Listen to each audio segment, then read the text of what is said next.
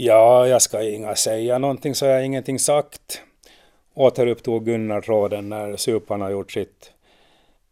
Men nu hade ju hörts att Friman skulle vara tillbaka på Bogskär igen efter Öselresan. Och att han inga verkar ha något större krackel med kvinnorna. Och att han och hans Manda håller på att få det hur ombonat och trevligt som helst i nya kojan på Lillbroskär. Han hade ju blivit bannlyst sa han, och satt i kort grimma. Hur i all världen? Kråkörs Ida var solidarisk med sin namne och väninna från grannen. Men bland så här välvilliga vänner kunde det knappast skada att eh, reda ut hennes situation lite. Hon inträdde nu i diskussionen och gav den genast ett bättre flöde. Ida. Inga har Karl menat något illa. Och han måste väl få ta sitt ansvar när det nu blev på det där viset med flickan, tänker jag. Hjälpa till lite. Wilhelm. Inga vet ju vi förstås, men så där sakta börjar hans båtar närma sig Bogskär igen och angöra någon liten stund. Ja, jag råkade ha, ha kikaren riktad ditåt första gången och råkade få se att han hade ett par knipor åt dem. Inga kunde jag se att där skulle ha varit något krackel. Men han var nog inga länge i land heller. Runa. Så han tänkte på dem, mitt upp i alla sina svårigheter i alla fall. Eh, kunde du se hur de tog sig ut då? Wilhelm. Ja, de var väl som vanligt jobbarklädda och igång med sitt, tänker jag. Runa. Jo, men eh, jag menar inga så. Råkar du ha kikare du också, Ida? Ida. Nå, Karl stod en stund vid stranden och lura innan han strök hatten av sig och gick upp och hängde fåglarna på liderväggen. Ida och Alina kom ut på farstubron och det såg ut som flickan ville gå fram till Karl men att Ida höll henne tillbaka. Så stod de och pratade en stund tvärs över tunet.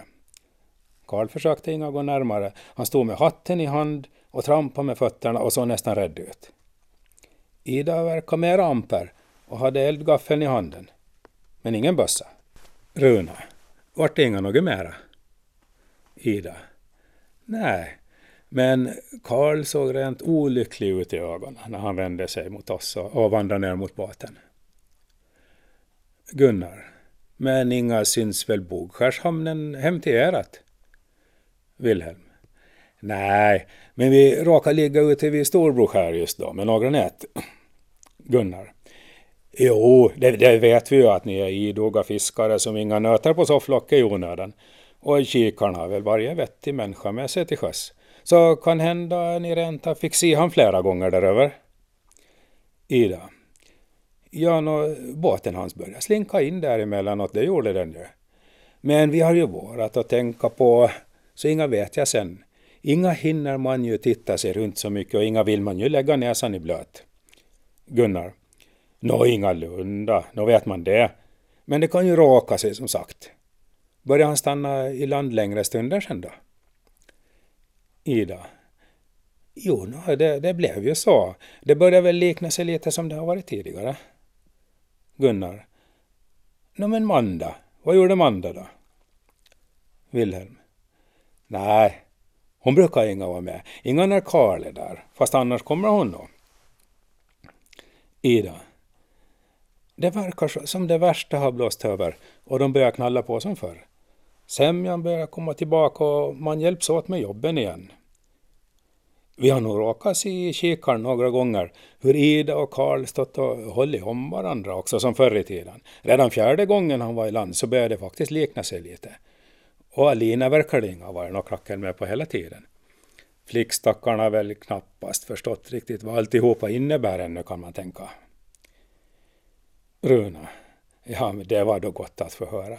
Det har ju alltid talats om att det är något särskilt med eran grannsämja där ute.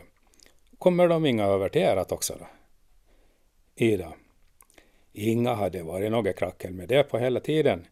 Nå, mest är det ju trafik mellan Bogskär och Lillbroskär förstås. Eh, de har ju sitt ihop. Men eh, mellan oss andra har det nog hela tiden knallat på ungefär så där som det vankas. Grejar på tillsammans där det behövs. Men inga pratar de just om sitt. Det är ju inga våra affärer. Och vi är ju inga de som vill lägga näsorna i blöt heller. Runa. Nå, ingalunda nej, men man kan ju bara förundras hur de kan hålla sams. Mor och dotter och närmsta granne som alla har samma far till sina barn. Ja, nå, nå vankas han där Friman var något särskilt när de kan samsas på det där viset. Gunnar. Ja, men det är ju synd på flickstackarna och på ungen som är på kommande. Det, det kan komma att kosta pengar för socknen ännu det här befarar Ida. Eh, Friman, han står nog för sitt ska ni få se. Han är flink både med fiske och verktygen och har sinne för affärer, så det sägs att inga ska vara så tomt i Lillbror Skärs penningskrine. Hilma hade råkat kasta ett öga i den där eh, kassaboken som han brukar ha med sig. Och det ska inga ha varit några så små affärer precis. Han lär ska göra bra där borta i Estland. Och förresten har väl bogfärarna haft det ganska bra förspänt ända sedan Karl började hålla till hos dem.